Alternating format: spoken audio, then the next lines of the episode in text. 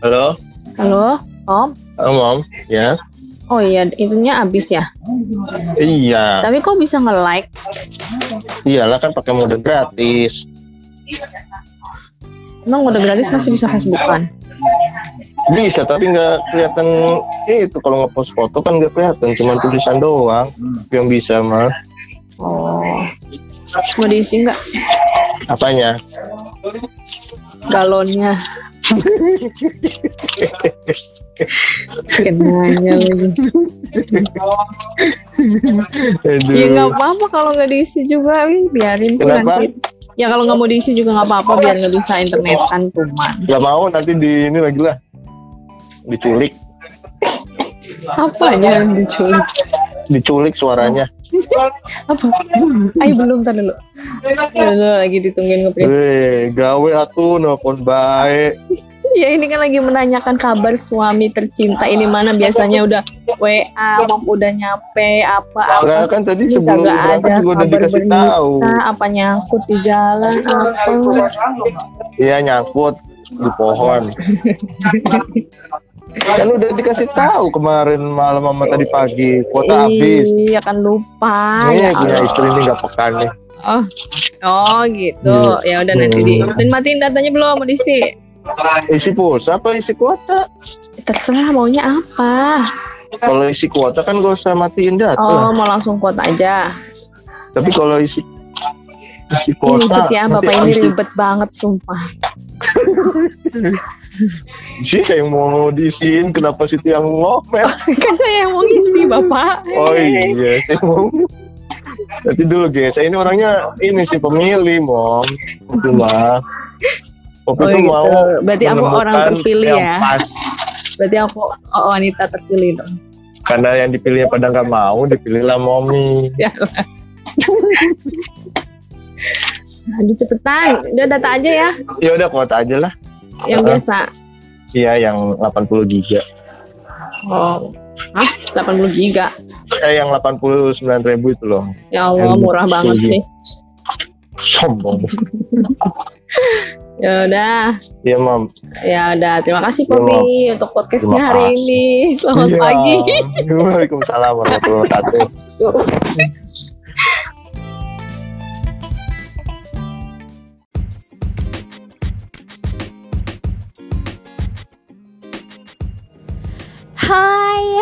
Guys, ketemu lagi di podcastnya Rina Yoku. Oke, kali ini aku mau memperkenalkan diri secara resmi. Kalau sebelumnya ada kamu sempat denger perkenalan yang gak penting dan gak jelas itu ya. Oke, officially aku kenalin aku adalah seorang wanita pastinya.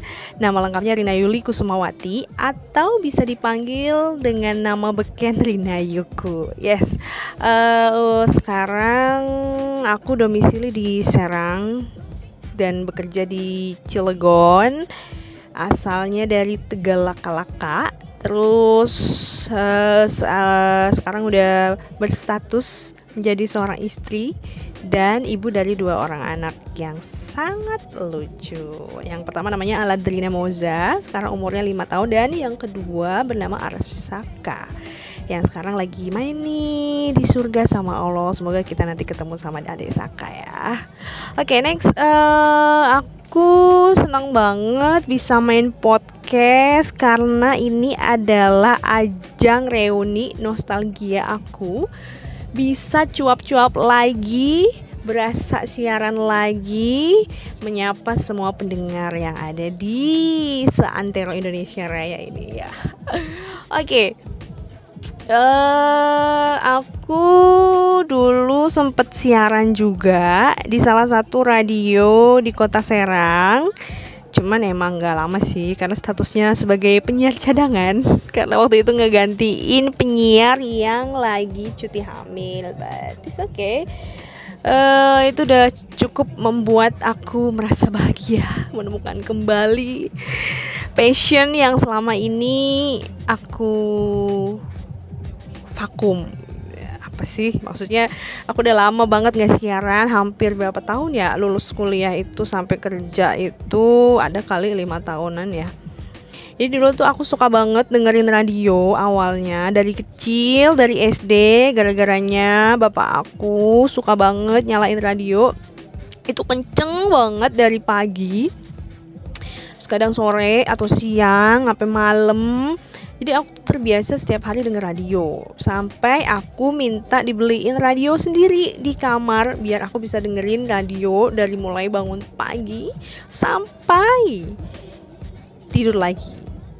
Dan akhirnya karena sering dengerin radio terus dengerin penyiarnya ngoceh akhirnya aku jadi kepengen tuh jadi penyiar radio. Nah mulai tuh bul uh, eh, SMA ya SMA itu aku mulai penasaran tuh gimana sih caranya jadi penyiar radio? Eh pas banget ada audisi penyiar radio gitu. Akhirnya aku ikutan tuh daftar. Dan alhamdulillah ternyata lolos dong audisinya. Dan aku jadi penyiar radio penyiar pelajar waktu itu. Di salah satu radio di kota Selawi. Jadi sepulang sekolah kalau teman-teman yang lain mungkin pada pulang pada jalan-jalan pada pacaran kalau aku pergi ke studio buat siaran. Dan waktu itu aku pegang program khusus kayak request lagu gitu sih. Berdua duet sama temen dan itu keren banget sih buat aku ya waktu itu ya Allah. Aku seneng banget. Dan itu adalah satu pekerjaan profesional yang pernah aku ambil. Karena dari situ aku bisa mendapatkan gaji. Gak gimana ya? Biasanya anak SMA kan minta sangu ya sama orang tuanya ya. Kalau ini aku bisa menghasilkan uang sendiri dari hasil jeripayah aku cuap-cuap di depan mic ya kan. Walaupun e, gaji pertama waktu itu aku kasih ke mama bapak tuh waktu itu mama sama bapak kan. Eh tetap aja sih dibalikin lagi buat sama aku juga. Tapi itu tuh berkesan banget. Dan itu berlangsung sampai aku mau lulus SMA ya. Di situ lulus SMA terus kuliah di Purwokerto dan ambil kuliahnya pun jurusan ilmu komunikasi. Kenapa? Karena aku udah nyari-nyari tuh, udah baca-baca tentang profil-profil jurusan yang ada di setiap prodi gitu ya di universitas itu dan paling bikin aku klik itu adalah jurusan ilmu komunikasi. Kenapa? Karena di situ ada yap ada mata kuliah radio dan juga media massa. Dan itu tuh aku senang banget. Aku bisa bermain belajar dan uh, menge, apa menambah ilmu lagi tentang dunia radio. Akhirnya aku putuskan untuk memilih jurusan ilmu komunikasi. Walaupun tadinya sempet ada ya kayak perdebatan gitu deh sama orang tua. Karena orang tua tuh pengennya aku ambil jurusan pendidikan ngikutin jejak orang tua aku sebagai guru. Cuman aku nggak mau aku nggak mau jadi guru aku maunya kerja di media kayak di radio di TV di majalah everything about media lah pokoknya. Nah akhirnya setelah melakukan proses seleksi mahasiswa baru waktu itu namanya apa ya? SMPTN ya? Itu tuh aku udah pede banget ambil jurusannya dua-duanya ilmu komunikasi kan dikasih dua pilihan ya? Dua-duanya ilmu komunikasi yang satu komunikasi UI ya lah beda banget ya. Yang kedua komunikasi UGM apa undip? Aku lupa deh. Alhamdulillah nggak ada yang lolos Eh, sempet shock juga sempet down sempet ya Allah sedih banget. Aku tuh cita-citanya pengen kuliah di komunikasi tapi kenapa nggak lolos? Sempet yang nggak mau makan nggak mau keluar kamar ngambek gara-gara nggak lolos sampai bingung kan orang tua juga ayo Rina. Terus akhirnya ada tuh pengumuman gelombang kedua di unsut waktu itu. Dan aku lihat tuh ada jurusan komunikasi. Ah aku seneng banget. Akhirnya aku bisa uh, ada kesempatan untuk kuliah lagi. Uh, untuk kuliah maksudnya ambil jurusan komunikasi. Dan waktu itu langsung tuh aku apply aku siapin pendaftarannya segala macam. Dan sebenarnya orang tuh udah mulai ini sih ya udah mulai kayak nggak nggak nggak nggak antara nggak mau ngizinin antara mau antara nggak mau ngizinin ama mau ngizinin tuh gimana sih? Tetap mereka tuh pengennya aku tuh jadi guru gitu kan. Tapi aku nggak mau aku maunya di komunikasi aja. Akhirnya dikasih ultimatum tuh sama orang tua waktu itu. Oke Rina ini dicoba se ilmu komunikasinya di unsut. Tapi kalau nggak lolos kamu harus nurut. Nanti kamu kuliah di jurusan pendidikan. Oh my god. Dan itu tuh jadi kayak semacam cambuk guys semacam apa ya jadi aku tuh bener-bener belajar bener-bener uh berdoanya kencang banget biar bisa lolos di ilmu komunikasi sesuai dengan cita-cita aku. Dan alhamdulillah ternyata aku lolos. Yeay! Masuklah aku ke jurusan ilmu komunikasi di Universitas Jenderal Sudirman Purwokerto. Nah dari situ tuh mulai tuh kumat lagi kan keinginan aku untuk menjadi seorang penyiar radio. Dan setelah melalui berbagai macam rintangan dan tantangan itu tuh aku udah apply ke radio banyak banget. Ada radio ya Sika ada Paduka ada Metro FM apalagi ya di radio Purwokerto tuh kayaknya aku semua udah aku jabanin deh. Cuman beberapa ada yang lolos ada juga yang enggak. Akhirnya pernah tuh aku sempet siaran juga permanen di salah satu radio religi namanya Mafaza F Mafaza FM kalau pernah tinggal di Purwokerto coba deh pernah denger nggak nama Mafaza FM nggak tahu sekarang masih ada apa enggak ya. Itu tuh radio religi gitu jadi isinya banyak tausiah terus ya cerita-cerita nabi gitulah. Dan alhamdulillah aku dapat program khusus untuk anak-anak. Jadi aku muter lagu lagu-lagu islami anak-anak gitu terus sama storytelling cerita gitu. Itu tuh itu udah seneng banget dan alhamdulillah aku udah gara-gara ikut uh, komunitas itu apa jadi penyiar di situ aku pun jadi ikut ke bawah gitu tuh. Udah kayak ukti-ukti gitu tuh pakainya kerudung panjang walaupun belum bisa pakai rok ya pakai tunik terus pakai apa sih namanya tuh tangan dia mans, mans, mindset ya. Ya itulah. Terus akhirnya lama-lama aku mau coba hal yang baru aku ikutan tuh audisinya Yasika FM waktu itu lagi nyari penyiar tapi kayak ajang cari bakat gitu. Namanya programnya DJ Yasika cari DJ jadi di situ tuh kita kayak audisi tapi live. Kita langsung dikasih mic on air. Didengerin semua pendengarnya Yasika Sepurwokerto dan kita langsung di battle atau duetin sama penyiar profesional. Gila nggak tuh? Aku tuh ya Allah itu tuh antara amazing grogi sama aduh nggak tahu lagi deh. Dan itu tuh berlangsung setiap hari. Setiap hari tuh ada aja yang dieliminasi. Jadi modelnya kayak bener-bener ajang pencarian bakat gitu. Dan alhamdulillah aku tembus sampai nggak nyampe juara satu sih. Nggak nyampe lima besar juga. Aku lupa apa 10 besar tah gitu. Dan itu tuh tiap hari aku makasih banget sama teman aku namanya Jojo. Makasih kamu udah baik banget nganterin aku bolak-balik radio kosan radio kosan malam-malam sampai kehujanan sampai jatuh juga dari motor. Itu perjuangan banget sih. Terima kasih Jojo. I love you Paul dan itu walaupun nggak lolos jadi penyiar ya si KFM itu udah senang banget. Bisa sampai ke titik itu bisa ngerasain on air bisa ngerasain uh, suasana suasananya studionya Yasika FM itu amazing banget sih keren banget. Terus pernah juga abis itu lolos audisi di Metro FM waktu itu ada kan radio Metro FM cuman waktu itu lupa aku sempet on air apa enggak ya. Soalnya sama satu orang dia kita tuh kayak dilatih di training gitu di training tentang siaran, terus tapping, bikin voice over dan segala macam. Pokoknya segala hal tentang penyiar deh.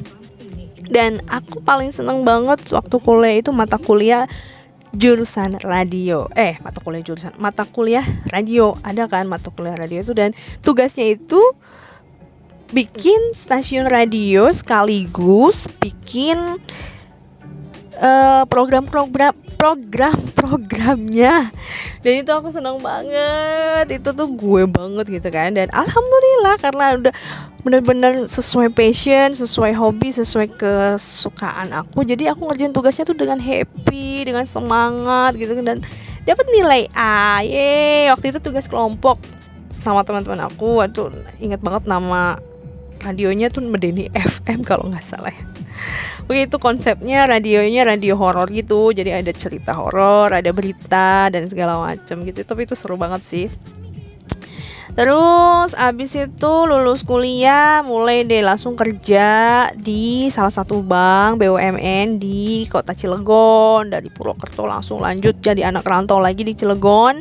Kota paling ujung di Pulau Jawa dekat sama perbatasan Selat Sunda dan Lampung. Dan dari situ ya biasa aku mulai lagi nih dengerin radio, radio nyimak nyimak radio radio apa nih yang asik nih di sini yang lagi ngehits gitu. Sempet mau ikut uh, apa apply di salah satu radio yang hits di Cilegon. Cuman waktu itu kata krunya sih atau kata orangnya lagi nggak nerima penyiar cewek dulu. Soalnya jam tay jam siarannya memang nggak ada yang buat cewek adanya buat cowok. Karena sampai malam ya udahlah.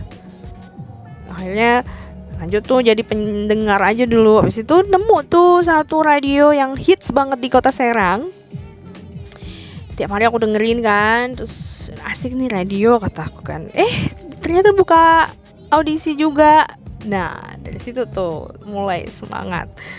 Ikutan lah apply audisi. Waktu itu udah menikah juga dan nikah eh lolos. Pas udah audisi lolos yaitu dapet shift buat ngegantiin penyiar yang lagi cuti hamil. Akhirnya aku dapet jam siaran langsung sendiri itu tiga jam ya? Jam eh jam 10 11 12 4 jam.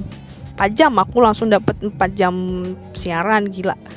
Udah lama nggak siaran dapat dapat siaran 4 jam jadi itu tuh amazing banget. Aku tuh ngerasa ya Allah aku senang banget ada di ruangan ini. Dan itu tuh job job dream job dream job banget deh.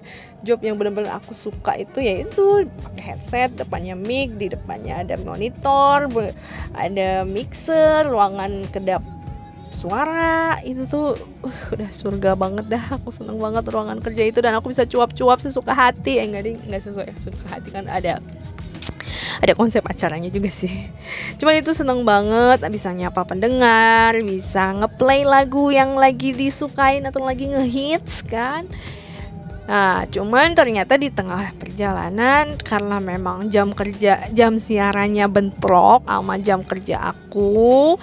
Terus juga suami juga udah mulai nggak ridho mungkin ya ya udah tuh akhirnya nggak dilanjut. Eh, padahal sayang banget aku udah seneng banget ada di situ. Dan Sudahlah aku akhirnya melupakan impian aku menjadi seorang announcer atau penyiar radio. Dan tiba-tiba ini ada mainan baru namanya podcast. Ya ampun aku seneng banget. Terima kasih podcast. Aku jadi bisa cuap-cuap lagi. Kayak gini nih. Ya udah yang nggak usah Yang nggak suka nggak usah dengerin lah ya. Ini cuman ajang untuk nostalgia seorang Rina untuk cuap-cuap di depan mikrofon. Oke. Okay. Pengennya sih nanti podcastnya akan diisi dengan hal-hal yang semoga berfaedah ya, nggak cuman asal cuap-cuap doang.